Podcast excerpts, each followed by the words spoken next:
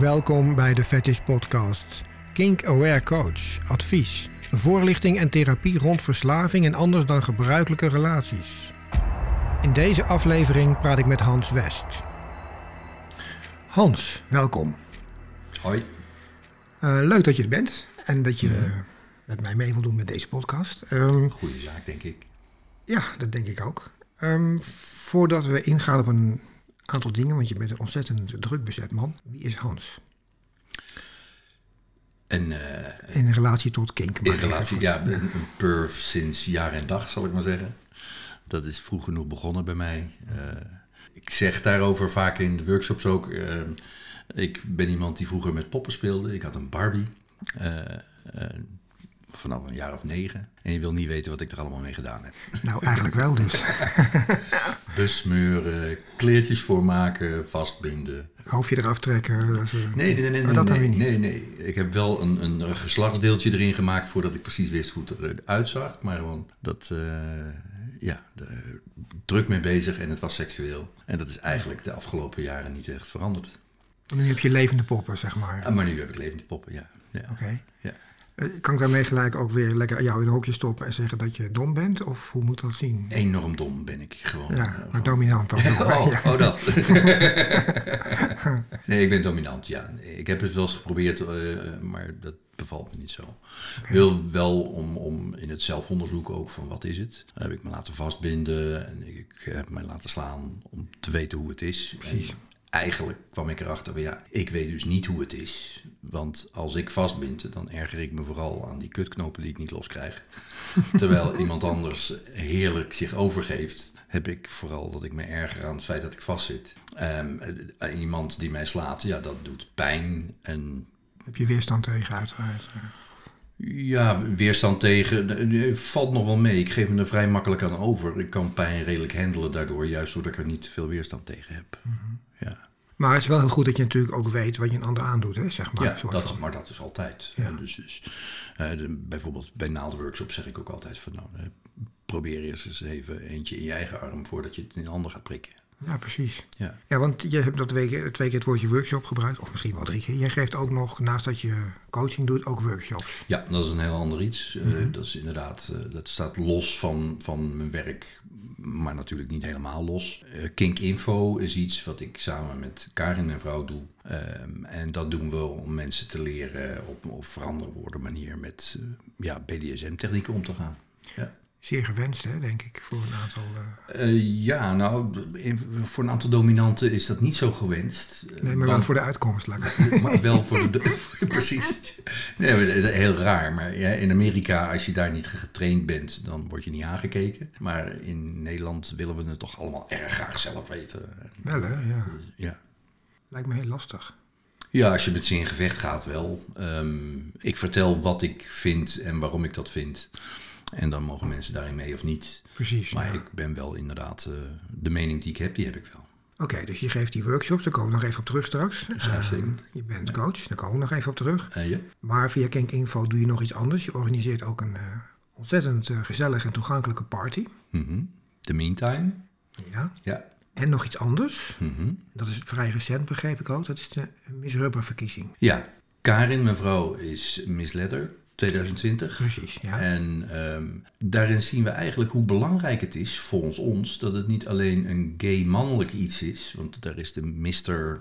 Mr. Bear, Precies. Mr. Leather, Mr. Mm -hmm. Rubber scene is, is daar best wel ja, ontwikkeld. Uh, ik heb de indruk dat deze tijd toch wel behoorlijk vraagt om gewoon iets meer uh, ja, awareness van Kingsters. En ook weer een beetje een platform waarin we toch een beetje knokken voor ons bestaan. Want ik vind het wel eng hoe Nederland Vertrug. ja, achter Amerika aanrent op het ogenblik. Uh, de banken die alles dichtknijpen en, en alle social media die dichtgaan. Dat, ja, lang verhaal kort. Ik denk dat het goed is als er gewoon mensen zijn die, die zich melden, die wat te vertellen hebben. En dat is Karin is daar heel duidelijk een voorbeeld van. Zeker, en die ja. probeert dat ook gewoon duidelijk neer te zetten in de wereld. En uh, toen dachten we van het zou mooi zijn als er gewoon eigenlijk sisters zijn. De sherp scene en de, sash scene. Is dat, gaat het vaak over sisters en brothers. En het zou mooi zijn als er meer sisters kwamen naast brothers.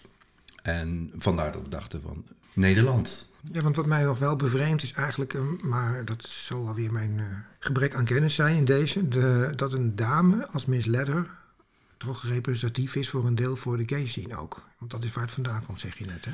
Het is waar het vandaan komt, maar het is niet dat zozeer representatief is voor de gay scene. Sterker nog, de gay scene is zich juist richting kink aan het openen. Aha. Uh, daar is The Meantime ook een voorbeeld van trouwens. Uh, Weet je wat jij geeft, ja. Ja, uh, en, en de, maar dat is zeker een, een, beweging die je meer en meer ziet. Mm -hmm. ja. En Positief, met, ja. ja. En ik denk dat, dat we er ook verstandig aan doen om daaraan mee te doen.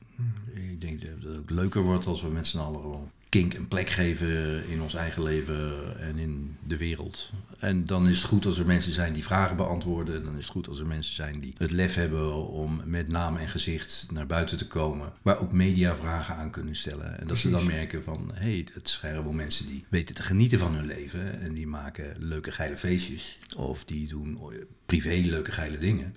Of niet geil, want voor sommige mensen is het niet seksueel. Uh, en, maar in ieder geval, die enge mensen die we, ja, hoe het vaak gebracht wordt, Precies. die zijn niet zo eng. Nee, Want je hebt natuurlijk in de media tot nu toe vaak vooral mensen gezien, uh, en zo. Dat zijn dan toch vaak de mensen die ofwel een beetje viezig bekeken worden. En aan de andere kant dat het soms ook mensen zijn die eigenlijk niet zoveel meer te verliezen hebben. Dat ze niet, zijn niet representatief voor de scene, dat is zo Ja, jammer. precies. Ja. Ja. eh, gewoon ontwikkelde leuke mensen op verschillend eh, niveau die samen leuke dingen doen en leuke dingen delen van hun fetish of hun kink. Ja, dat is veel meer de scene zoals die is. Precies. En dat, dat, ja, dat gaat over leeftijden dwars doorheen. En niet alleen maar oude, enge mannetjes die... eh, zoals wij, inderdaad. Nee, dat klopt. Ehm, En ehm, nog even terug dan naar dat Miss Rubber verhaal, want dat is Ja, iets nou, dat, is- dat zijn we dus inderdaad aan het organiseren. En, en juist vrouwen die gewoon het leuk zouden vinden en die een beetje zich kunnen vinden in wat ik net zei. Het zou mooi zijn als er gewoon meer mensen kwamen die zeggen van ik, ik wil zichtbaar zijn. Ik wil helpen aan die zichtbaarheid van Kingsters. En eh, nou, we hebben dus binnenkort, en het gaat nou bijna sluiten, dus eh, wanneer sluit het? Ehm, eh, als het goed is, de eerste week van maart gaan we hem sluiten. Dus dat we hebben al een aantal aanmeldingen. Er zijn ook een paar mensen die daar ja, zich toch een beetje in verkeken hadden. En die dachten van het is meer als het ware iets waar ik mijn social media mee kan oppoetsen. Modellenwedstrijd. Maar nee, nee, dat- ja, dat is, hè, die zijn, dat, ja, zo hard zou ik het niet willen zeggen. Maar in ieder geval vinden we het prettig als er gewoon ook mensen zijn die zeggen van nee, ik sta ergens voor. En ik wil naar buiten komen en ik wil mijn kop laten zien. En ik, wil, ik heb dingen te zeggen. En vooral, ik heb antwoorden voor beginnende mensen. Want dat is best een hele belangrijke taak die je daarin hebt. Mensen die komen dan naar jou toe als de meest zichtbare persoon. En die zeggen van hoe zit dat met leather, met rubber, met scenes, met eh, dominantie en submissie. eh, want dat zijn ook vragen die je krijgt. En hoe, hoe start ik dat? Hoe doe ik dat veilig? Hoe doe ik dat goed? Dus eigenlijk ben je dan ook een soort ja, coach, counselor eh, in die rol. Hè? Want je hebt best wel een verantwoording daarin ook, denk ik. Een zekere, ik zou het niet echt coaching willen noemen, want dan, dan zit je. Maar ja. je hebt wel een, een verantwoordelijkheid als seksdrager. Absoluut. En eh, kun je nog wat meer? Heb je een soort eh, lijstje met zeg maar, voorwaarden gedefinieerd waar de dame in kwestie aan moet voldoen? Nou, eh, ondernemendheid is vooral belangrijk. Eh, ik, en, dat is niet zozeer ik hoor, ik bedoel, dus Adalberto en Karin, de, de Mr. Rubber en Karin, de Miss. Van 2, 2, En 20, samen 20 jaar. eh, geholpen ook door Ax, de Miss Letter 2019. Eh, Mr. Letter, sorry, Ax. En eh, die, eh, die vonden het belangrijk dat het ook voor vrouwen meer zou komen. En met als, wij als groepje zijn op zoek naar iemand die zegt van ik wil dit zijn, ik wil deze sash dragen, ik wil deze functie doen. En dan is eigenlijk onze belangrijkste taak is hoe kunnen we je helpen om te doen wat je wil doen. Lijkt me dan voor alle betrokkenen nog best wel een, een dingetje. Daar heb je wel tijd voor nodig, toch? Als je, Ja, nee, dat kost meer tijd dan je denkt. ja. Ja, dat klopt. Maar ik vind het een fantastisch initiatief. Dus ik ben heel blij dat we er even tijd aan Nou. kunnen besteden. Vrouwen, eh, Hans doet even een oproep. vrouwen naar missrubbernetherlands.nl en meld je aan. Ja, en dan schrijf je msrubber.nl. Rubber Netherlands. Rubbernetherlands.nl. .nl, ja. MS, Marinus Simon, rubbernetherlands.nl. Ja. Nou, super. Ehm, ja, dit was even een klein zijweggetje, maar dat hebben we even gedaan Ja, om eh, ja. mensen te werven nog. Ehm, en hoe ben jij van je Barbie in de coaching terechtgekomen, BDSM? Ehm, van de Barbie en de BDSM-coaching is eigenlijk zijn dat twee sporen die naast elkaar lopen.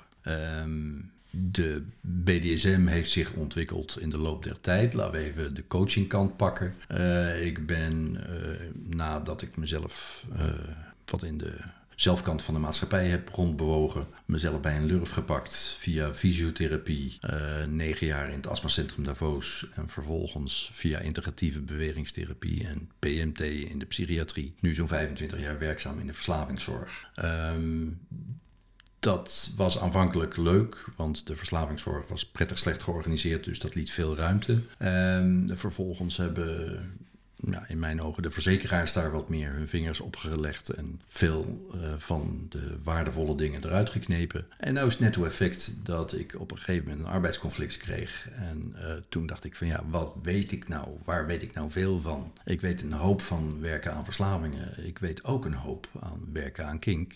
Eigen groei mensen om je Eigen groei ja, mensen, ja. En ehm, dat was op een gegeven moment, dacht ik van ja, dan laat ik dan maar uit de kast komen als kink-aware therapeut. Want dat is wel waar ik ook denk dat er eh, behoefte is aan mijn Zeker, ja. werk. Ja. En dat bleek een goede zet. Ja, financieel is het natuurlijk geen goede zet, maar gewoon, het is, eh, voor mij als persoonlijk menselijk gezien is het een hele goede zet geweest. Ja. Ja. Eigenlijk vertel je wel een best heftige levensloop, hè? Zelfkant van de maatschappij. Daarmee bedoel je waarschijnlijk dat je zelf ook even down bent geweest, een periode. Ehm, ik ben niet hard down geweest. Ik heb wel, ik zeg altijd over mijn eigen middelengebruik. Ik zeg heroïne heb ik niet gebruikt, want anders moet ik zo'n lange lijst noemen van wat ik wel gebruikt heb. Ehm, Oké, je bent dus zeg maar multigebruikerbeel, als je het Ja. zo kunt begrijpen. En, en, en dat is vanaf mijn vijftiende tot mijn 25ste, ja, tot mijn twintigste geweest. En daarna heb ik vier jaar hard gewerkt aan mijn fysiotherapie. Dat liet geen gebruik toe en daar had ik ook geen geld voor. Ja, want het is voor jou toch wel, ehm, je moet wel, het zegt wel veel over jouw persoonlijkheid. Je moet wel behoorlijk sterk zijn. Wil je toch zelfstandig, want dat zeg je eigenlijk, hè, dat je zelfstandig je hebt Mhm. losgescheurd van dat gebruik en met iets nieuws bent begonnen.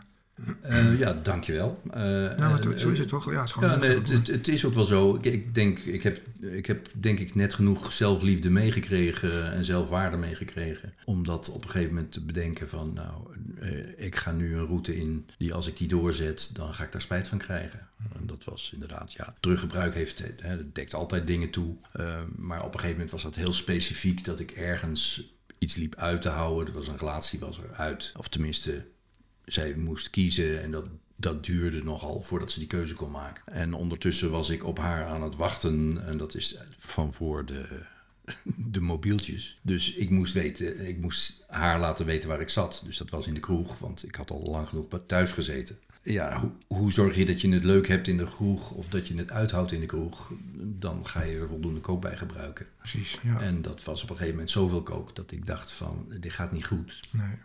Dus nadat ik het niet alleen snoof, maar ook begon te roken, ehm, toen dacht ik op een gegeven moment van wacht eventjes. Toen heb ik er gevraagd van, oh joh, eh, weet je het al? Eh, nou nee, dat wist ze nog niet. Ik zeg, nou dan weet ik het nu. En dat is denk ik wel een, een belangrijk moment geweest waarop ik voor mezelf koos. Want je zegt dat je in een relatie zat waarin je die vrouw twijfelde over jullie relatie. Want dat Ja. krijg je niet. Ja, precies. Ja. Daardoor ging je gebruiken.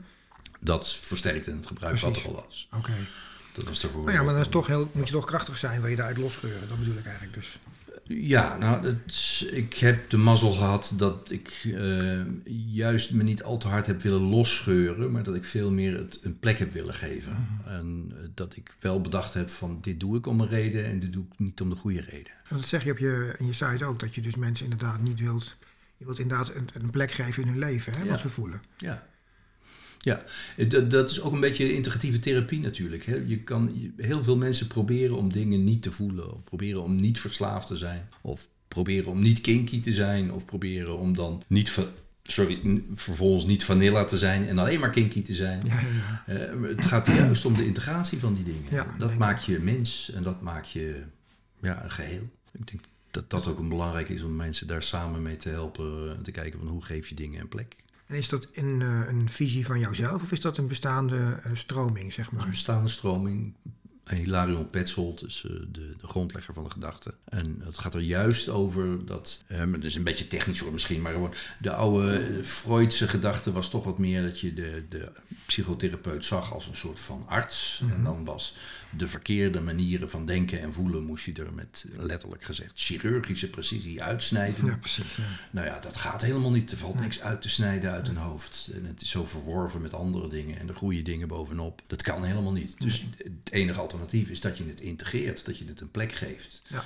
En dat je dus verantwoordelijkheid neemt voor de dingen die je voelt. En dat je een verantwoordelijkheid neemt voor de dingen die je wilt. En dat je een verantwoordelijkheid neemt voor de dingen die beschadigd zijn onderweg. Oké, en je zegt net ook van, eh, je hebt dus je bestaande kennis gecombineerd vanuit de verslavingszorg met de BDSM-lijn. zijn twee paden voor jou geweest. Zou je ook willen zeggen of kunnen zeggen dat daar dan ook een verslavingsroutine in BDSM zit, in fetish? Of hoe moet ik dat zien? Ehm, ik denk dat er soms aspecten van verslaving in eh, seksualiteit zitten. Ehm, op het moment dat ik middelen gebruik en het is leuk en ik doe het voor de lol en het is een kwaliteitsverbetering van mijn leven, niks mis mee. Eh, dat geldt hetzelfde wat mij betreft voor seks. Eh, seks is leuk, doe het, geniet ervan. Reden te meer om met anderen te delen. Maar soms zie je dat mensen seksualiteit gaan beleven eigenlijk om andere dingen niet te voelen. en om andere dingen of andere dingen te overschreeuwen. Nou, dan ga je natuurlijk een beetje een hellend pad op waar het wel op, iets op elkaar begint te lijken. En laten we wel zijn, eh, de term seksverslaving, ik schrijf er wel dingen over. De term seksverslaving, daar ben ik niet kapot van. Ehm, soms heeft het een karakter van verslaving, inderdaad. Maar ik- het is natuurlijk ook in onze maatschappij wel heel makkelijk om dan weer te zeggen: van ja, meneer is seksverslaafd. Ik bedoel, Dus een stempeltje gelijk erbovenop. je. ja, en dan hoeven we ook verder niet meer over. Hè. eh, Weinstein, nou, die gewoon. eh, Ja, nee, sorry hoor, maar ik was seksverslaafd. Dus eh, we er is dan ook gelijk geen verantwoordelijkheid meer Nee. nemen voor wat je gedaan hebt. Als voorbeeld, ik ben gelovig opgevoed en mijn man eh, die gaat vaker naar, weet ik veel, de, de hoeren of wat dan ook. Eh, laat ik hem maar als seksverslaafd wegzetten. Dan veilig, hoef ik er verder niet meer over na te Nee, denken dat ik niks met mijn seksualiteit doe. En God vergeeft hem wel, hè? Dat, dat soort onzin. Ja, of niet. dat, niet, dat- ja. dan komt hij lekker in de hel. Dan hoef Ja. ik er niet over na te denken. Oh, lekker warm. Ehm, Ja. Oké, maar ik, het is toch wel zo, dacht ik, dat de, de stofjes die vrijkomen bij een orgasme een beetje lijken op de kick van een... Er komt een hele hoop dopamine komt er vrij. En, en daarom is ook, hè, want dat is nog iets anders waar mijn werk dan bij elkaar komt. eh, seksualiteit en, en gebruik. In een aantal gevallen hebben mensen toch behoorlijk last om zonder gebruik hun seksualiteit vorm te geven.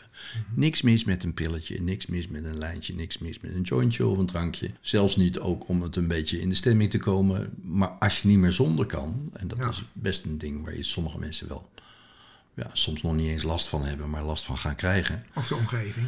Eh, Of dan, ja, dat is dan nog een weer een ander verhaal. maar dat mensen zeggen van eigenlijk zonder gebruik, zonder GHB, zonder ketamine, zonder noem maar op, kan ik niet seksen. En dan denk ik dat je een beetje een risico. Ja. Ja, dus juist wat kun je dan leren? Maar nou, nou gaan we het meer over de verslavingskant. Maar juist wat kan ik dan leren van het middel zodat ik het zelf ga kunnen? Dat zijn dingen die daar een rol in spelen. ja, precies. Want is het ook niet zo dat ehm, dat ook een beetje mee te maken heeft met de shame-cultuur? Dat mensen natuurlijk eigenlijk seksualiteit wordt nog steeds vanuit religie en andere motivaties of, of eh, gedachtegangen toch als iets eh, zonders of slechts vaak nog gezien. Mhm. Dat mensen dus door te gebruiken wat losser daarin worden. Mhm, Drank, whatever, drugs. ja. Eh, dat helpt natuurlijk in- zoverre wel mee, maar ook niet mee dus. Om los te komen van dat verslavingsstuk, zeg maar. Ja, ja eh, het is zeker de cultuur die, die maakt. Hè, die heeft natuurlijk geloof en, en, en veel, veel machthebbers vinden het prettig als wij gewoon een beetje dociel, braaf stemmen en eh, doneren. Vlak, ja. Hè, klaar. Mensen die hun seksualiteit beleven, mensen die een beetje vrij denken, mensen die de, de werkelijkheid een beetje openschoppen met drugs. Ja, dat zijn toch mensen Gevaarlijk, die zijn een beetje eng. En dat, soort, dat moet worden afgeremd. Dus daar maken we iets slechts van. Eh, dat verbieden we en ja. of demoniseren we. En lang verhaal kort, dan zit je in de schaamtehoek. Ja. Zodat je alleen al als je het aan het zeggen bent, je toch moet schamen van ja. En dat zie je met uit de kast komen bijvoorbeeld. Hè. Een van de dingen waar ik best een hoop Term alleen al, hè? Dat is al Ja. ding, ja. Ja, maar je zit dus in de kast. Je voelt je ook in de kast. En op een gegeven moment denk je van... ik wil hier toch wel uitkomen. En wat zie je dan heel vaak? Dat mensen toch naar buiten komen met een beetje, ja, ik, misschien vinden jullie het wel raar. En, en als ik er zo over nadenk, heeft het misschien ook wel met vroeger te maken. Maar ja, wat ik dus spannend vind, is, nou, je, op het moment dat ik het gesprek zo ben gestart, dan is het heel makkelijk voor de anderen om mij te beschamen, zodat ik me verder zal schamen. Ja. En het netto-effect is op het moment dat ik dat wat meer als vrijheid ga ervaren. En ik zeg zo, nou weet je wat ik ontdekt heb? Weet je waar ik geil van word? Ja, dat ja. Nou, dan zie je het veel meer mensen die met je mee beginnen te denken. Of die beginnen te delen van, oh ja, dat heb ik ook wel een beetje.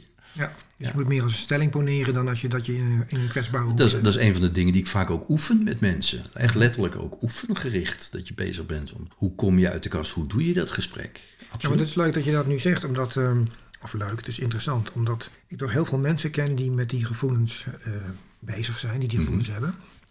Maar die toch eigenlijk stuk voor stuk zeggen, ja nee, maar ik kom niet naar mee naar buiten, want uh, ja, mijn werk, uh, mijn carrière, mijn gezin, mijn familie, familie ook is heel belangrijk vaak daarin.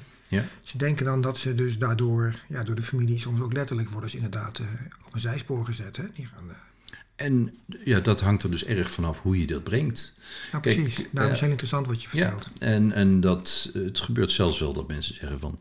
Ik, ik wil dit eigenlijk graag in relatietherapie met jou doen, Hans. Mhm. eh, dat we aan onze relatie werken en als onderdeel daarvan het uit de kast komen. Ja.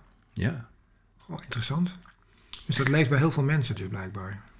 Nou ja, in ieder geval wel bij het beroep wat ik gekozen heb. dat is een beetje een bias die je natuurlijk wel hebt. Jawel, oké, maar ja. ook een beetje van... Uh, ja. Het trekt elkaar natuurlijk ook aan dan, dus snap ja. ik. En maar eh, omgekeerd heb je natuurlijk ook aan de andere kant, ik noem dat wel het slingshot-principe van ik zit in de kast en ik fap, want je moet wat in de kast. Mhm. En dan, uh, ja, na een tijdje zijn die fantasieën, hè, dopamine wil nieuwe dingen, dus Precies, ja. Nieuwe fantasieën, wat sterker, wat groter. En op een gegeven moment is de spanning tussen ik in de kast en mijn fantasieën zijn zo groot geworden dat ik de kast uit moet als een soort van slingshot waarmee dan alles verder ook, als dan die deur open gaat, moet de hele wereld het weten. En, en dan slaan mensen door vaak. En slaan mensen heel vaak door in het begin. En dat is ook iets waarvan ik voor, dus waarschuw. Dan zeggen we, joh, pas op dat je niet te hard over twee jaar weer nog steeds met die mensen omgaan waarschijnlijk. Dus zorg dat je het zo doet dat je de andere aspecten van je leven overeind houdt. Ja. Ik heb ook een keer een theorie gehoord dat het heel belangrijk is voor mensen in de kink scene in general om contact te houden met de vanilla-wereld. Als een soort relativerende factor. Mhm. Dat vind ik zelf nog wel een dingetje soms. Want eigenlijk denk ik, ja, dat, daar groei je ook voor een deel van af. Je hebt minder gesprekstof op sommige plekken. Ja, klopt. klopt. Um, ik denk dat je er vooral over na moet denken van welke aspecten wil ik in mijn leven hebben welke dingen zijn belangrijk voor mij. Uh, dat klinkt dan een beetje balkenende-achtig als we het over ah, normen en waarden hebben. Maar gewoon, dat kunnen diverse dingen zijn. Dat kan spiritueel zijn, dat kunnen, uh, kan werk zijn. Uh, allerlei vlakken. Ook de, de, dingen, de relationele aspecten. wanneer je een relatie hebt, wat wil je daar? Je wil meer dan alleen maar neuken. Dat willen wij dan in principe. Niet iedereen denkt zo, geloof ik. Maar... Ehm, nou, ik denk dat heel veel mensen het, dat het voor heel veel mensen geldt, maar dat ze het vaak niet meer weten dat ze meer willen dan alleen maar neuken. Vastgeroest in routines en ja, uh, percepties. Ja. Ja. Ja. ja. dat is wel interessant. Ik heb laatst ook een, uh, een aantal mensen. Ik help soms ook mensen, weet je. Mm -hmm. Ik vind het opmerkelijk dat mensen soms, um, inderdaad, wat jij zegt, niet eens, meer, niet eens weten of meer weten dat ze wel andere gevoelens hebben. Dat drukken ze zo ver weg in het kader van ik heb een relatie, die is leuk, die wil ik zo houden bijvoorbeeld. Mhm. Terwijl eigenlijk sluimert daar een vulkaan ergens uh, in mensen. Ja, ja. Maak jij het ook vaak mee in jouw praktijk? Dat je mensen tegenkomt die uh, vastzitten in een fantasie, er heel moeilijk over kunnen praten. Maar... Eh, kijk, in principe is natuurlijk als je naar een praktijk gaat, dan zit je ergens in vast. Mm -hmm. En dit is natuurlijk heel vaak waar het over gaat. Ja. Dat je niet de mogelijkheden voor jezelf duidelijk hebt van wat, voor, wat zijn eigenlijk de keuzemogelijkheden, wat kan ik eigenlijk doen, of wat zijn eigenlijk mijn mogelijkheden. Ja. En heel veel mensen, ja, de, vaak worden we tegengehouden door onze angsten. En dat is als het ware dan de steen die de vulkaan sluit. Precies. We hebben behoeftes, maar we hebben angsten om die behoeften naar buiten te laten komen. Kun je dan aangeven wat, um, wat zou je tegen zo iemand kunnen zeggen? Wat, wat, hoe ga je daarmee om als iemand met zo'n vraag bij je komt? Hoe haal je die steen van de vulkaan? Dat is eigenlijk meer. Hoe help ik iemand om zijn eigen een steen van de vulkaan te halen. En dan eigenlijk nog veel liever, wat mij betreft, eh, die steen hoeft niet van de vulkaan. Want het is vaak juist de angst voor de eruptie die maakt dat ik die steen er nog wat dieper in druk. Maar stel nou dat je dat gewoon beetje bij beetje kan doen. Stel nou dat het een kraantje is wat je kan openen. En dat je dat harder of zachter kan laten druppelen. Eh, vroeger waren we in therapie waren we altijd enorm druk bezig. De emotie, doorbraakemotie. Maak het maar groot. Hè. In de 60s, 70s. Hè. Maak je gevoel groot. Niet denken. Maak het maar groot. En, en eh, ja, dat gaf dan een catharsis. En dan was het morgen was het weer hetzelfde als gisteren. Ja. En dan hadden we weer een catharsis. En dan weer een, maar die veranderde telkens eigenlijk niks. Terwijl juist als je mensen wat meer leert merken van... ja, je kan dit ook geleidelijk. Je kan dit een beetje doen. Je kan, het, je kan dingen een plek geven. En daardoor voel je ook dat je controle blijft houden op je leven. Eh, Dat is vaak veel belangrijker. Zeker. Iemand kan bijvoorbeeld over bepaalde dingen heel erg verdrietig zijn, dat lang in zich houden. Dan merken dat hij enorm lang moet huilen, anderhalve dag. Eh, ja, dan heeft hij vooral geleerd dat, dat emotie iets is wat gewoon je anderhalve dag van de kaart brengt. Ja. Terwijl op het moment dat je een gespreksonderwerp aanstipt en je zegt van ik, ik zie dat je ogen vochtig worden, maar we kunnen er nu ook even over stoppen. Dan integreer je veel meer die emotie in andere dingen. Ah, slim. Dus je benoemt ook echt een emotie op het moment. Dat is wel goed, denk ik. Ja, maar dat is inderdaad juist ook de, de, de lichaamskant van mijn werk. Hè. Ja. Ik, ik let best wel redelijk op adem en, en dat soort lichaamssignalen. Maar daar onderscheid jij je dus in, in, eh, van andere hulpverleners of hulpverleners, coaches, counselors. eh. Ehm, er, zijn, er is best een hoop die met lijven bezig zijn. Maar het lastige is dat ik dan... Ik vind dat een hoop van de mensen die met lichaamstherapie bezig zijn... die, die daar ook een beetje in doorgaan. En dat het dan allemaal gaat over energie en noem maar op. ja, precies. En, en ik hou het graag een beetje eh, basic en, en ook cognitief goed begrijpbaar. Ik ben over het algemeen goed in metaforen en modellen en Ja, op, papier ja. uitleggen Ja, en mensen laten zien. Zo werkt het en die hier kan je het kraantje tegendraaien. Ja. Ja, ik zag op jouw website, dan moet ik even kijken, ik heb hem nu niet natuurlijk weer overstaan, ehm, ehm, dat je heel veel ehm leuk contrast in de onderwerpen hebt die je erop aanstipt. Dus de topics die je op de website hebt staan. Mhm. Ehm, zijn dat ook allemaal zaken waar je tegen aangelopen bent? Zijn dat, is dat uit het echte leven? Of zijn dat dingen van anderen die je verzamelt? Of, hoe- Nee, het zijn dingen uit het echte leven. Het zijn, zijn vragen van klanten of vragen die je krijgt als coach. Ehm, je hebt, soms heb je ook dat als je dingen aan het vertellen bent, dat je in één keer denkt van dat zeg ik goed zeg. en, eh, dan, Bescheiden als hij is. ja, nee, maar dan, dan, dan juist als je het verwoordt, dan merk je in één keer, ik heb er al over nagedacht, maar nu valt het mooi of het allitereert mooi. Ja, Ik- precies, Ik, dat, hou ja. van, van woordgrapjes en, en dat soort zaken. En, en dan, ja, dan, naar aanleiding daarvan denk ik van laat ik het opschrijven en laat ik het niet weg laten vallen, maar dat andere mensen erover mee kunnen denken. En is het zo dat je, want volgens mij ben je ook heel goed in het combineren van eh, je kennis met het feitelijke voelen van mensen. Want je hebt ook, vind ik vaak dat therapie, net als andere medische dingen, zo klinisch kunnen zijn. Mhm.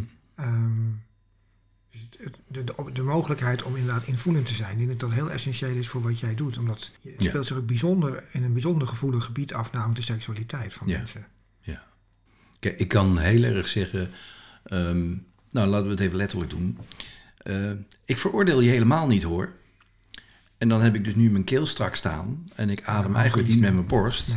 En dan heb ik. Ik kan ook zeggen van.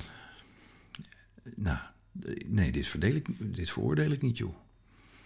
En En dan warmte, zachtheid. ja. Dan zit er in mijn stem, en daar ga ik niet allemaal over nadenken, dat is niet iets wat ik bewust doe. Maar juist doordat ik me bewust ben van het lichaam en dat ik me bewust ben van het lichaam van de klant, ja, daardoor heb ik veel meer dat dat soort dingen doorklinken. En dat het me eigenlijk altijd al is overkomen dat mensen zeiden van ja, ik zeg dingen tegen jou die ik tegen anderen niet zeg. Ja, het schept een soort vertrouwen natuurlijk Ja, ook. Ja. dat is hè, op, op paleo-niveau, op dierenniveau zal ik maar zeggen. In ons brein voelen mensen van oh, dit klopt. Ja. Ja. ja, interessant is dat. Hè? Daardoor kan iemand, een verkoper, kan je helemaal voorliegen. Maar als je je voor openstelt, dan voel je gewoon dat iemand bullshit aan het verkopen is. Dus dat soort ja, dingen. Ja. Nou, dat is ook een beetje hè, waar, waar, waar ik eerder zei van, van waar, waar je vroeger in de gestalt had van je moet niet denken, je moet voelen. En waar we later in de cognitieve gedragstherapie hadden, je moet niet voelen, je moet denken. Eh, in de integratieve therapie zeggen we denk over je gevoel en voel na of je gedachten kloppen. Ja, precies. En hoe breng je daar een lijn in? Want ik denk dat mensen vanuit hun gevoel ook in een soort chaos terecht kunnen komen. Juist, hè, daarom, daarom is het belangrijk om die gevoelens ook te benoemen. Ik werk ook vaak met um, het modelletje van het brein. Uh, mens paard krokodil model van Piet Vroon gebruik ik veel. Waarin het inderdaad... Die is mij onbekend. Nou, dus de, de, de, een brein, als je het uit elkaar peutert, is een, het reptiele brein. Mm Zeg de krokodil zoals we ooit aan land zijn gekropen. Uh, het paleo-model, het paleo-niveau, we warmbloedig zijn geworden. En het neocortex-stuk waarmee we denken. En dat zijn drie aparte lagen. Dus veel meer dan dat links-rechts verhaal, wat in een hoop onzinnige coaching naar voren komt. Is die gelaagdheid van, van boven naar onder. En die, die teruggang in de evolutie is iets wat belangrijk is. Eigenlijk zeg je dus, als ik het even voor mezelf vertaal, dat je heel snel kunt schakelen tussen primair gedrag en cognitief en intelligent denken, redeneren. En dat dat alle drie door elkaar heen loopt. Tenzij het beneden aan, zo aan het schreeuwen is dat de bovenlagen uitgaan. En dat is inderdaad wat bijvoorbeeld belangrijk is voor mensen die uh, misbruik hebben meegemaakt.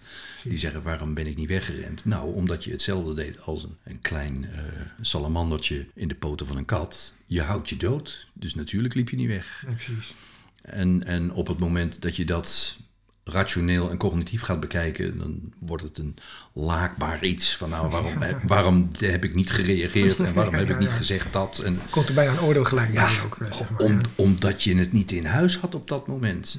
Net zo goed als dat je bij verslavingen bijvoorbeeld kunt hebben van als je fucking veel trek hebt, ja, dan kun je wel willen dat je niet gaat gebruiken. Maar als je het voor je neus hebt liggen, dan wordt het toch echt vrij onmogelijk om het niet te doen. Ja, dat denk ik ook. En, en als je dat begrijpt, dan hè, die verschillende lagen, dan wordt het veel makkelijker om jezelf te sturen. Ja. En dat even teruggekoppeld naar de BDSM dan? Um... Hetzelfde verhaal op het moment. de, um, je had een tijdje terug had je zo'n mooie reclame, zo'n ideële reclame van begin over condooms als je je broekje nog aan hebt. Mm -hmm. Nou, dat is juist als je leert snappen van ik ben ook een beest. En dat is ook wat ik zoek in BDSM. Mm -hmm. En daar wil ik ook wat mee in BDSM. Hoe zorg ik ervoor dat ik dat veilig kan doen?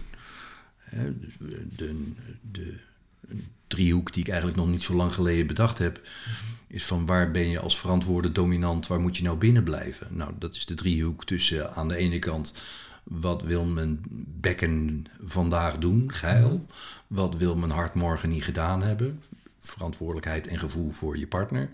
En wat zijn mijn technische vaardigheden? Nou, als je binnen die driehoek blijft, dan zit je safe. Ja. Maar daar gaat het nog wel eens mis. Hè? En daar gaat het mis op het moment dat ik snap dat als ik volledig voor de geilheid ga, dat ik dan dingen kan doen waar ik morgen spijt van heb. Ja. Of als ik volledig voor de voorzichtigheid ga, dat mijn onderlijf dan niet aan bod komt in mijn uh, verhaal. Ja, precies. Uh, of dat ik gewoon niet cognitief nadenk over, laat ik deze technieken eerst eventjes in mijn vingers krijgen. Precies voordat ik ze op iemand anders ga oefenen. Dat je precies weet hoe je moet slaan, waar en waarom en dat soort dingen. Ja. Hoe werkt dat bijvoorbeeld in het brein van een sadist en dus ook de masochist? In de zin van beide gevoelens, gevoelskanten, worden eigenlijk door de maatschappij toch heel erg veroordeeld en afgestraft. Hè? Want sadist is fout, want dan doe je mensen pijn. Mm -hmm. En de masochist is raar, want die laat dat toe. Of ja. die vindt dat zelfs aangenaam. Dat is al een conflict op zich in die mensen. Ja, want je wil allemaal erbij horen. Mm -hmm. Dat is een, een hele primaire behoefte, een dierlijke behoefte zelfs. We willen erbij horen. Nou, bij welke groep wil je horen? Als je nog niet bij de Kingsters hoort, want dat heb je nog niet uitgezocht en daar heb je dus nog geen vrienden en kennissen. Ja, dan moet je dus wel een stukje loslaten, wil je daarbij gaan horen. Ja. En, en dat is een conflict. Dat is, dat is waarom we zo lang in de kast blijven zitten. Ik weet voor mezelf ook nog wel dat ik, uh, ik had dus echt al heel vroeg die behoefte. En ik durfde er niks mee te doen. En ondertussen groeide ik op. Eh, toch een beetje als hippie, redelijk geweldloos. Met aandacht voor vrouwen. En feminisme destijds, uh, dat was toch vooral dat... Nou, een quickie was al rape.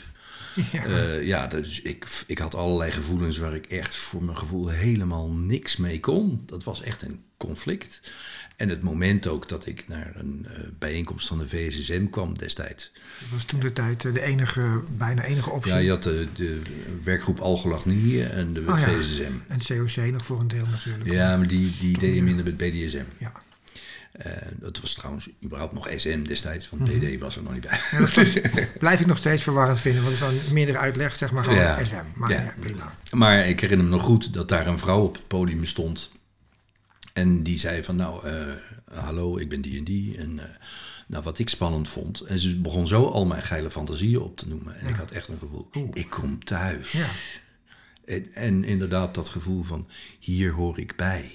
Precies. Dit zijn mensen die snappen wat ik bedoel. Want ik wil wel iemand pijn doen, maar ik wil niet iemand blijvend beschadigen. Mhm. Ik wil de intensiteit van het moment en ik wil iemand misschien zien huilen of besmeurd zien. Overgave, wat even. Overgave, vernedering. Maar ik wil dan vervolgens dat ze er trots op is dat ze dat kan zijn. En dat ze dat durf aandurft. En de, dat zijn een paar, trots. Maar dat zijn een paar dingen die voor de meeste mensen toch heel lastig ergens te plaatsen zijn. Hè? Heel vaak wordt er niet genoeg over nagedacht. Precies.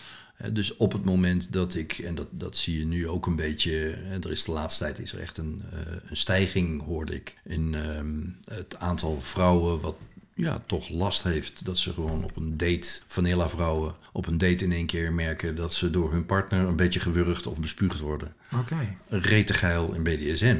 Uh, maar niet in een vanilla. Maar niet in vanilla hoek. Dus op het moment dat die jongens dat gezien hebben en dat ze daar geil van werden, hè, uitstekend, doe je ding, maar informeer je er dan over en ga snappen wat is consent. En, en ga ook de durf hebben van ik zou het spannend vinden om jou te vernederen. Wil jij dat ook? Hè? En, en ga je daarin mee? En wat zijn je grenzen daarin? En wat zijn mijn grenzen? Enzovoort, enzovoort. Nou, dan begint het hele spel mhm. waarmee je gaat voor je eigen fantasieën. Ja, want het, het, vragen is vaak key. Hè? Als je het gewoon met mensen overlegt, is er vaak niks aan de hand. Dat, heb ik, dat is binnen natuurlijk de hele scene al heel gebruikelijk. Heb ik al vaak ja, maar... maar, maar, dat betekent dat je de ballen moet hebben om het durven vragen. Dat je het voor jezelf moet erkennen als van dat vind ik spannend. En dat is ontzettend kwetsbaar. Ik, de, de, de eerste keer dat ik een vrouw sloeg, ik, ik, herinner me nog goed. Ik wist dat het mocht. Ik wist dat ze wilden. Ik had, ik had spulletjes gemaakt. Eh, ik had geen geld, maar ik had zelf dingen gemaakt. En mhm. Het was allemaal klaar. En, en ja, we hadden er al drie kwartier over zitten praten. En toen zei ik op een nou, dan moesten we maar eens beginnen, hè. En zij zegt, handen, ja. wat zeg je? En ik had echt zoiets van, laat maar. Nou, tot ik gelukkig op dat moment over mijn schaduw durfde te springen. En dat ik dacht van, nou, ik zei... Precies, en dat moet je... We moesten eens beginnen. Ja. Ja, meester. Nou. Toen ging het vanzelf. en toen ging het lopen. maar, maar dan wordt het werkelijk. Hè. Mhm. Het is al die tijd daarvoor is het alleen maar in je hoofd geweest. Het is fantasie geweest. En dat zou ik willen, dat zou ik willen. En die Barbie die zegt niks terug. Dus, dus hè, dat is makkelijk. ja. Maar juist die durf om het echt te maken en die kwetsbaarheid aan te gaan. Dat is waar heel veel mannen, vrouwen, dominanten op haken. En aan de andere kant waarom eigenlijk heel veel onderdanige mensen, of heel veel masochistische mensen, eigenlijk diezelfde stap ook niet maken. En zich dan maar in handen geven van iemand die het met ze gaat doen. Precies. Maar ik ga niet vragen, wil je dat en dat doen? Ik, ga niet vragen, daar en daar wil ik naartoe. Ik ga niet vragen, dat en dat zou ik willen bereiken met deze sessie. Maar weten ze zelf soms ook niet, hè? Nee, weten ze nog niet. Nee, maar, dat, maar dat is juist ook dat je die kwetsbare kant durft te onderzoeken. Van wat, wat de fuck zoek ik hier nou eigenlijk? Maar dat is... Uh, denk ik ook iets voor de meeste mensen, is het al een hele stap om überhaupt uh, te praten over hun gevoel. Dat is één. Dat is een dingetje. En dan komt er nog een stap achteraan. Dat is dat je over dit gevoel moet gaan praten. Dus um, dat lijkt me toch wel. Um, ja, ik kan me nu niet meer voorstellen, maar ik heb die struggle natuurlijk ook gehad. En jij mm vertelt net, jij ook. Ik denk dat het voor heel veel mensen. En ik bespreek het nu expres nog even, om, om die stap voor mensen. Want ik merk om me heen dat er heel veel mensen zijn die guidance nodig hebben. Ja. En, het, en het, het punt is, en dat klinkt nou een beetje als een commercial, maar zo bedoel ik het niet. Stap naar iemand toe die daar gewoon begrip voor heeft. Mhm. Zodat je het erover kan hebben. Ja. En zodat je gewoon merkt van, oh, dit is niet zo raar als ik dacht. Of dit hoeft mijn huwelijk misschien niet zo te doorkruisen als, ik, als waar ik bang voor was. Sterker nog, als je in de Q-Golding stapt, kan het je huwelijk versterken bijvoorbeeld. precies, ja. precies. Ik heb toevallig iets bij de hand gehad van een dame die me opbelde en zegt... ja, ik ben bij een seksuoloog geweest. Ik denk dat ik aseksueel ben. Ik heb, ik heb geen seksuele gevoelens. Maar die heb ik wel. En daar heb ik haar toen mee en haar man kunnen helpen. Mhm. Eh, waardoor ze dus dingen zijn gaan experimenteren. En uh, we hebben dingen uitgetest samen. Dat was voor hun heel erg fijn. Ja. Waardoor ze verder konden. En nu ook verder gaan. En dat vind ik echt fantastisch. Maar ik vind het ook een gemis van de maatschappij in general dat er zo weinig, helaas nog steeds te weinig, blijkbaar rugbaarheid aan wordt gegeven in scholingen. Ja, nee, dat ben ik roerend met je eens. En tegelijkertijd, eh, ja, misschien een oud lijk als ik, ik Bono zei laatst, uh, we don't agonize, we organize. Nou, Mhm. dat is een beetje hoe ik erin sta. Oké. Ja, dat is er veruit te weinig in mijn ogen. Dus dan organiseer ik scholing. Ja. En eh, Slim. nou, er is nog geen therapie. Nou, dan gaan we dat geven. En eh, er, is, eh, er zijn best een hoop feestjes waar je als dominant mag rondlopen en je meisje mag slaan. Eh, of waar je als domina mag rondlopen en je suppie mag slaan. Niet zo heteronormatief, Hans. maar, maar ja, nee. Het is nou één keer wat jij leuk vindt, dus Het is een beetje, best- nee, ja. maar goed. Maar, ehm, eh, eh, maar dat die feesten, daar deed je dus als dominant niet je broek open.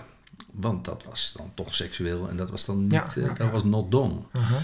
Dus ik heb de Meantime georganiseerd, waar kinky seks en eh, BDSM-spel samen loopt. En dat kan, als juist dat niet je ding is. Je hebt ook wel mensen die komen af en toe die zeggen van... Nou, dit is zo seksueel hier, dat hoeft niet te zijn. En nou, dan moet je er zeker niet komen, want dat is niet je feestje.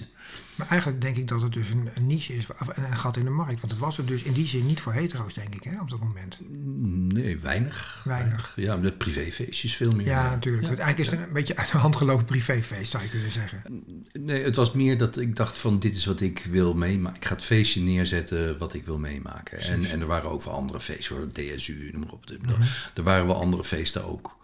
Dus ik ga zeker niet zeggen dat ik de eerste Oh, was. of nee, zo. nee, dat is niet maar het is wel iets wat, wat eh, ja, in die zin denk ik van, van... Je kan heel erg gaan zitten van de maatschappij geeft mij niet wat ik hebben wil. Of je kan zeggen van wat wil ik eigenlijk hebben, hoe zet ik dat neer? En, en dat vereist energie en tijd en eh, je krijgt tegenwind.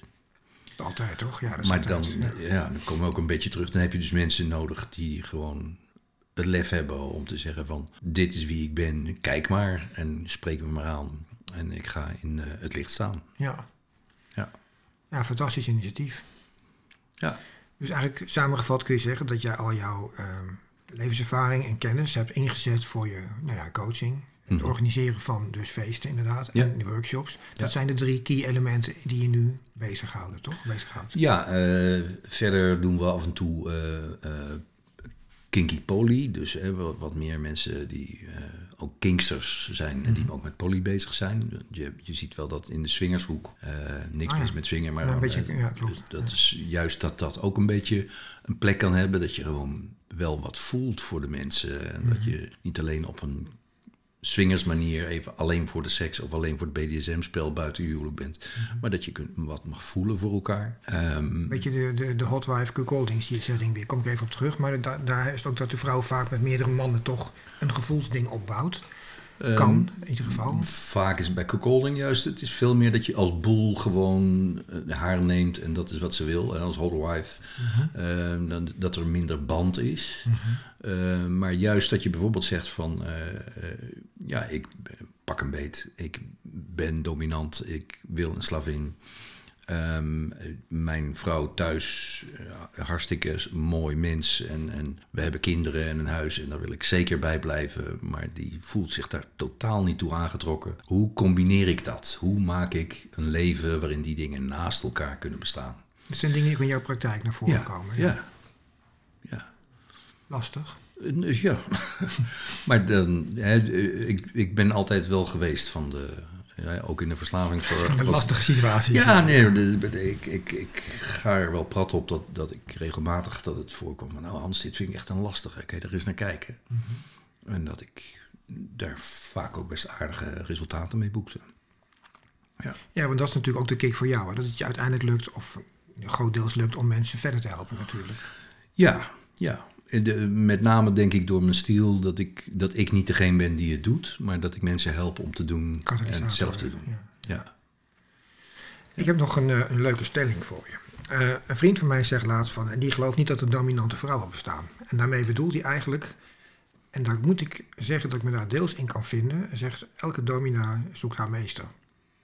Dat het vrouwelijke in basis, nu ga ik heel veel mensen over me heen krijgen waarschijnlijk, maar het vrouwelijke in basis onderdanig is. Maar daar heb je wat mee, hè, met mensen over jou heen krijgen. Dat is... Nou, dat zeg ik altijd bij. Het raar is dat ik altijd zeg in die podcast van je moet alles kunnen zeggen. En, niet, en er hebben altijd mensen die het niet met je eens zijn, die beledigd zijn. En ik zit mezelf toch weer te verdedigen, dus daar moet ik ook eens mee stoppen.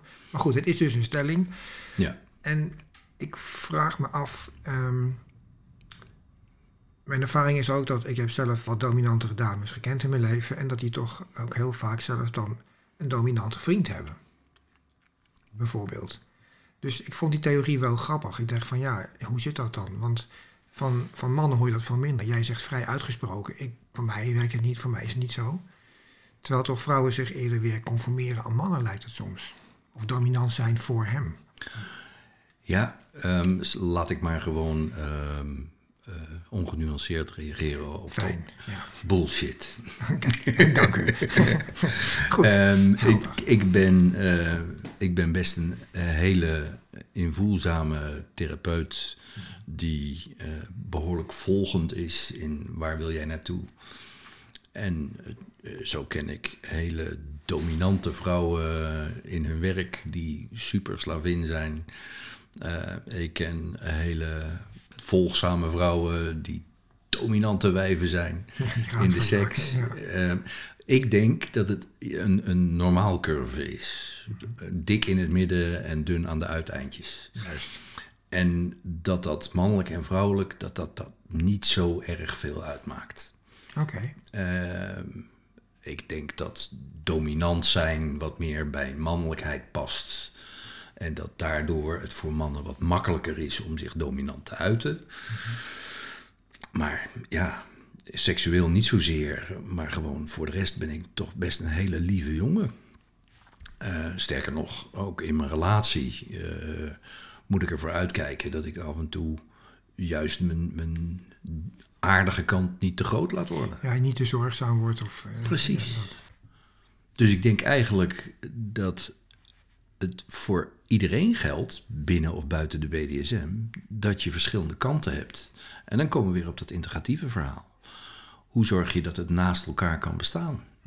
Hoe zorg je dat je aan de ene kant wel een masochistische, onderdanige man kan zijn en aan de andere kant dat je zorgt dat je je poot stijf houdt als je gewoon weer te vaak moet overwerken? Eh, Hoe zorg je dat je binnen de relatie aan de ene kant aardig genoeg bent en aan de andere kant ook op een constructieve manier je irritaties vormgeeft? ja, zonder te vervallen in... eh, Ja, ja en, en, en dan is het. Ik heb er prachtige dingen van gezien. In, in Zwitserland had je een snoeiharde domina.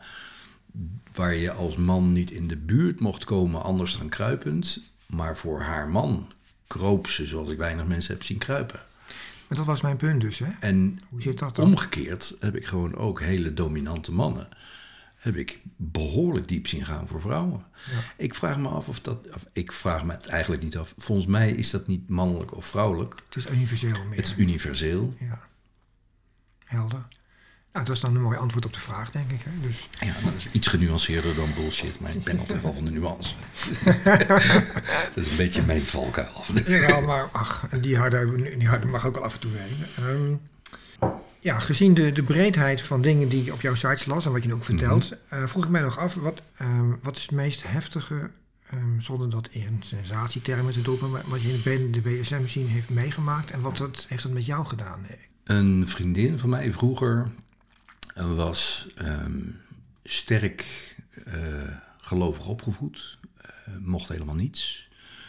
Eh, kwam in Amsterdam terecht, ehm, maakte daar SM mee destijds als mogelijkheid. Zij was meesteres en vond het heerlijk dat ze zoveel kon en er was zoveel mogelijk.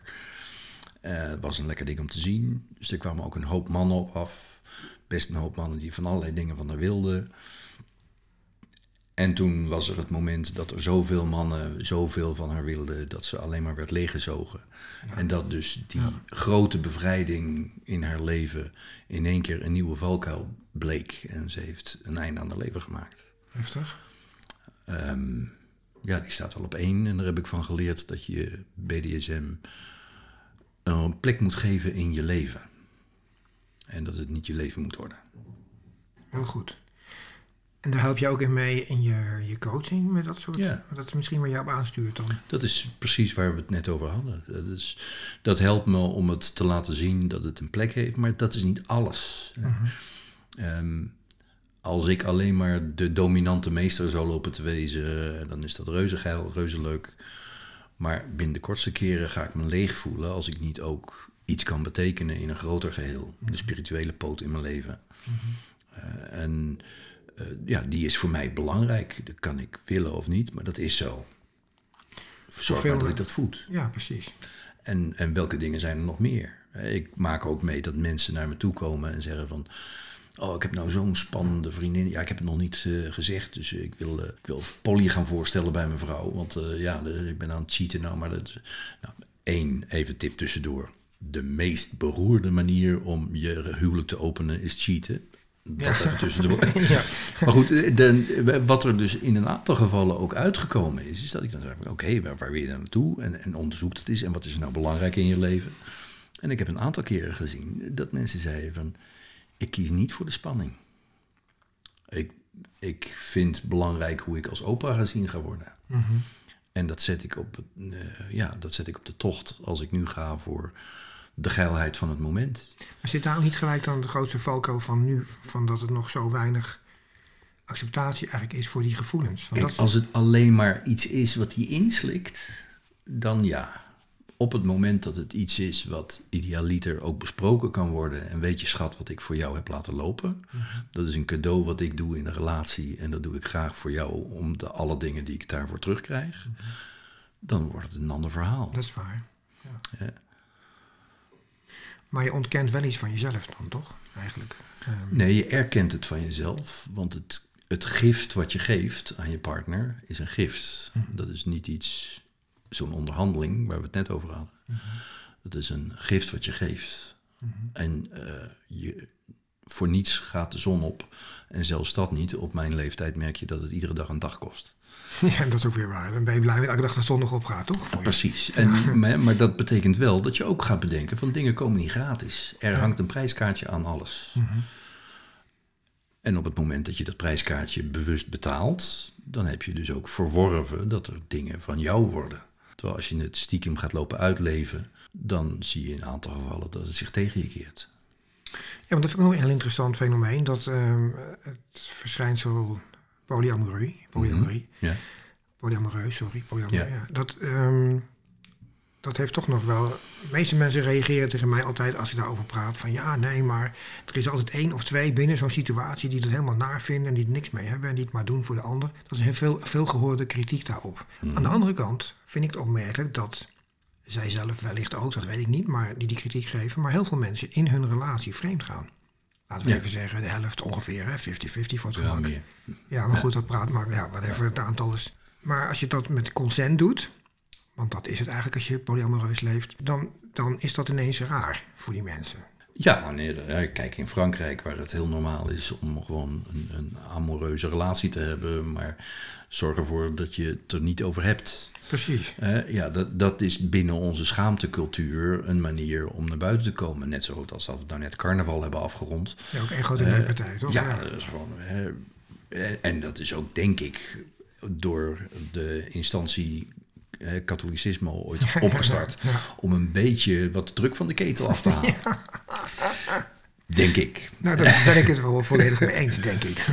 Maar ehm, wat, waar het vooral om gaat, is dat je juist als je dat opengooit. En juist als je gaat zeggen van nee, dit is hoe ik wil leven. En dit is wie jij bent voor mij. En dit is wie jij bent voor mij. En dat kan naast elkaar bestaan. Dan is dat anders dan de maatschappij vindt dat normaal is.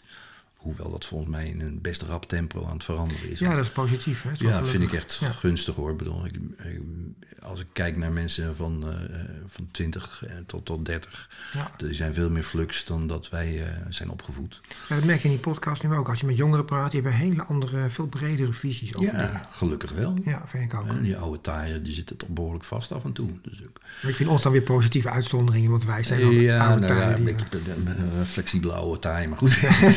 In general heb je gezegd. nee, maar hè, bedoel, heel veel mensen die nooit uit hun kastjes hebben hoeven komen. Nee, die, precies. die hebben dat ook nooit meegemaakt. Dus die zitten in die kastjes vast. Ja. En, en denken wat je niet oefent, een brein wat je niet op een bepaalde manier oefent, dat ontwikkelt ook niet. Nee.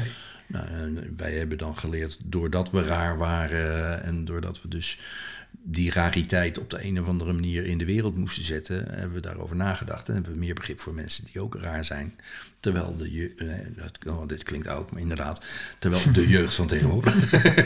Ja, vader. Ja, groot. Ja, Dirty old man. Eh, maar dat, Love dat mensen die nu groot worden, dat die veel meer merken van... God, wat is er een hoop mogelijk? Ja. En, en dat... dat eh, ik hoorde laatst een keer iemand die zei van eh, monogamie, wat een vreemde perversie is dat. Ja, een briljante tekst.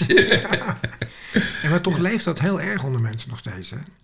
Als je zegt dat je non-monogaam leeft of eh, meerdere, meerdere partners hebt, Mhm. dat wordt toch als vreemd ervaren nog steeds. Ja, maar het is ook vreemd. Maar dierlijk gezien toch niet?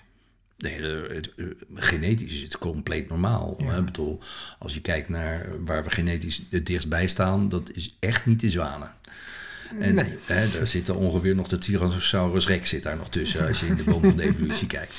Eh, de- dat zijn de bonobo-aapjes en die lossen een hele hoop sociale conflicten neukend op. Ja, fantastisch. Het dat vinden wij als geile donders een fantastisch idee. Tegelijkertijd is onze maatschappij natuurlijk wel een stuk complexer. Klopt. Met een hoop cultuur en een hoop veiligheid. En we hebben huizen en we hebben kinderen die op school zitten en die dingen moeten uitleggen aan de kinderen in de klas. Ja. Eh, we hebben angsten over enzovoort, enzovoort, enzovoort. Alleen Ja, die maken ja. het, die maakten het in, in zo'n monogaam normale cultuur, maken het natuurlijk lastig om dan in één keer polyamoreus te zijn. Ja, Ik vind die, is het natuurlijk of niet, eh, niet altijd een beetje, Ja, ja, één, het is niet natuurlijk, maar twee, daar doet het niet, daar, daar gaat het niet om. Je doet die dingen met een keuze en je doet die dingen met, met doelen en met ook normen en waarden, met relaties met mensen waar je wat voor voelt. En ja, dat is natuurlijk wel meer dan alleen we zijn even uitneuken. Er, als je toestaat binnen jezelf dat dat meer mag betekenen en dat je een diepere relatie wil met meerdere mensen, ja, dan moet je dat gaan lopen afstemmen op elkaar. ja, En dat is de agenda nog het makkelijkste. ja. Overigens emotioneel toch vaak wel lastig, hè, blijkt. Ja, ja, ja, ja. ja. Dat is toch een dingetje. Ja, nee, maar ook logisch, hè? want je komt dingen tegen. Hè, de, de- de- geen hond die dit doet eh, zonder dat hij dingen als, als jaloezie, angsten, verlatingsangsten tegenkomt. Natuurlijk, uiteraard. Dat heb jij in je praktijk waarschijnlijk ook. Mensen die daar dus mee praktiseren en die Ja. tegen dat soort dingen aanlopen. Ja. Want dat is natuurlijk wel... Ja, heel vaak zeg je tegen mensen van, ik ben jaloers en dat is niet goed. Ik zeg, je bent jaloers en dat is normaal. Ja, Dan, natuurlijk ben je jaloers. Dat geeft niks. Hoe ga je daarmee om? Ja, Ja, ik ben. eh, mijn partner is naar zijn lief of haar lief. Ehm, en dan zit ik thuis en dan zit ik te denken: wat doen ze nu? Dat wil ik helemaal niet denken. Nee, maar natuurlijk denk je dat. ja. Denk eens niet aan witte beren. Heel, heel, ma- heel makkelijk om niet aan witte beren te denken. De hele nacht nog niet aan witte, witte beren gedacht. Maar als ik je nu vraag om 30 seconden niet aan witte beren te denken, gaat het je niet lukken. Nee, precies. maar het is dus wel, eh, ik denk dat ook als je dan inderdaad thuis zit en je denkt dus aan die witte beren, dat het vaak veel grotere witte beren zijn dan dat het in de praktijk is. Ja, eh, Het wordt in je hoofd veel erger, die jaloezie. Met, met name als je vindt dat je het niet mag denken. En als je denkt, natuurlijk denk ik hieraan. En dit vind ik ook lastig. Maar ik heb het voor jou overschat. En ja, ik had even moeilijk mee. Maar hier wil ik leren wennen. En dit wil ik je gunnen. Dan doe je een hele andere stap. Ja, dat denk ik ook. Hè, Op het moment dat mijn vrouw met een ander vrijt. En ik weet dat hij haar kan geven wat ik haar niet kan geven.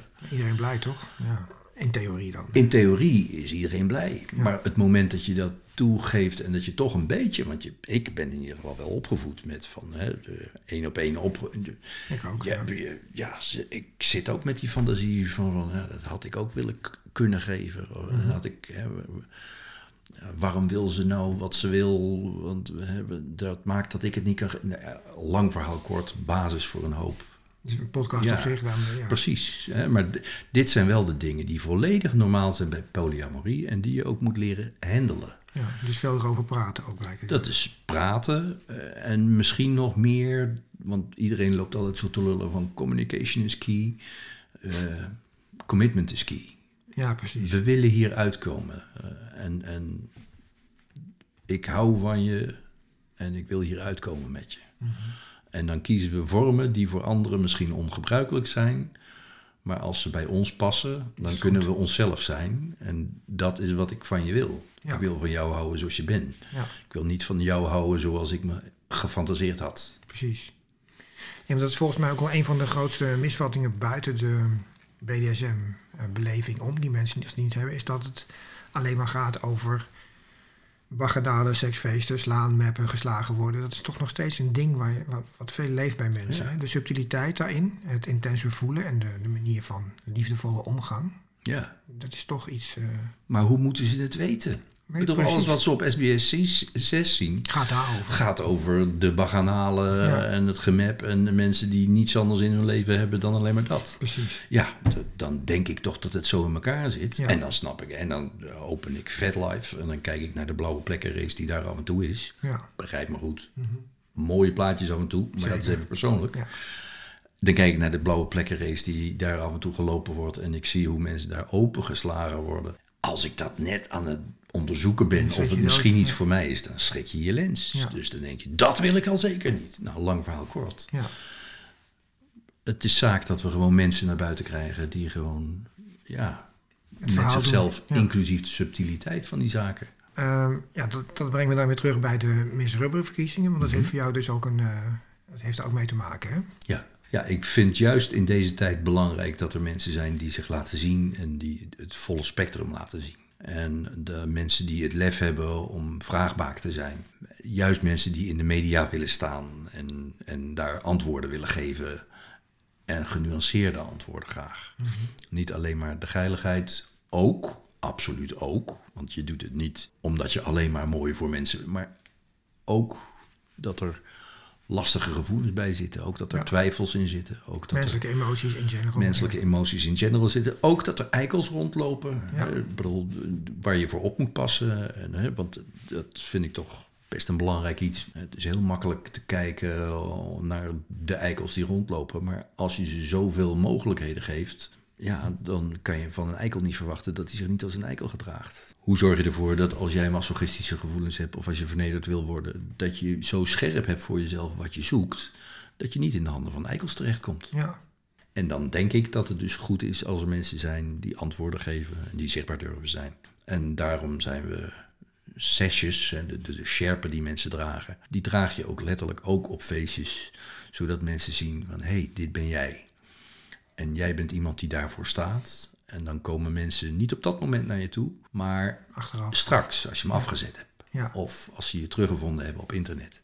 Het was ook de functie van het dragen van de... Dat, Ja, Oké. Het is niet ter zelfverheerlijking en kijk mij hè, een, een mis zijn in de zin van misverkiezing zoals vroeger. En wat zijn je doelen? Nou, world peace. Ja, precies. Maar gewoon eh, juist, ik heb iets te melden. En ik ben degene die dat wil zeggen. Dus mensen, vrouwen die dat willen doen. Ja, dames, aanmelden kan op eh, MS Rubber Netherlands, was het uit mijn hoofd? Ja, dus, punt .nl. dus Marinus Simon, Rubber Netherlands.nl. Eh Oké. Nou Hans, dankjewel.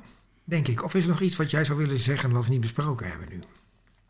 Oh, er is heel veel Ja, wat we nog niet ik. besproken hebben. Dat zou ik zeker nog wel eens gaan doen, maar het is meer... En misschien een andere keer. Ik eh, bedoel, ik, Is misschien, misschien is het leuk als, juist als mensen vragen hebben, dat we kunnen kijken van hoe we, dat mensen als het ware die vragen ook kunnen stellen, dat die ergens terechtkomen. Dat we Ja, bijvoorbeeld op, op, op sites die antwoorden geven. Ja, ze kunnen om te beginnen ook naar jouw site gaan, toch? Ze kunnen zeker, kinkinderelatie.nl, absoluut.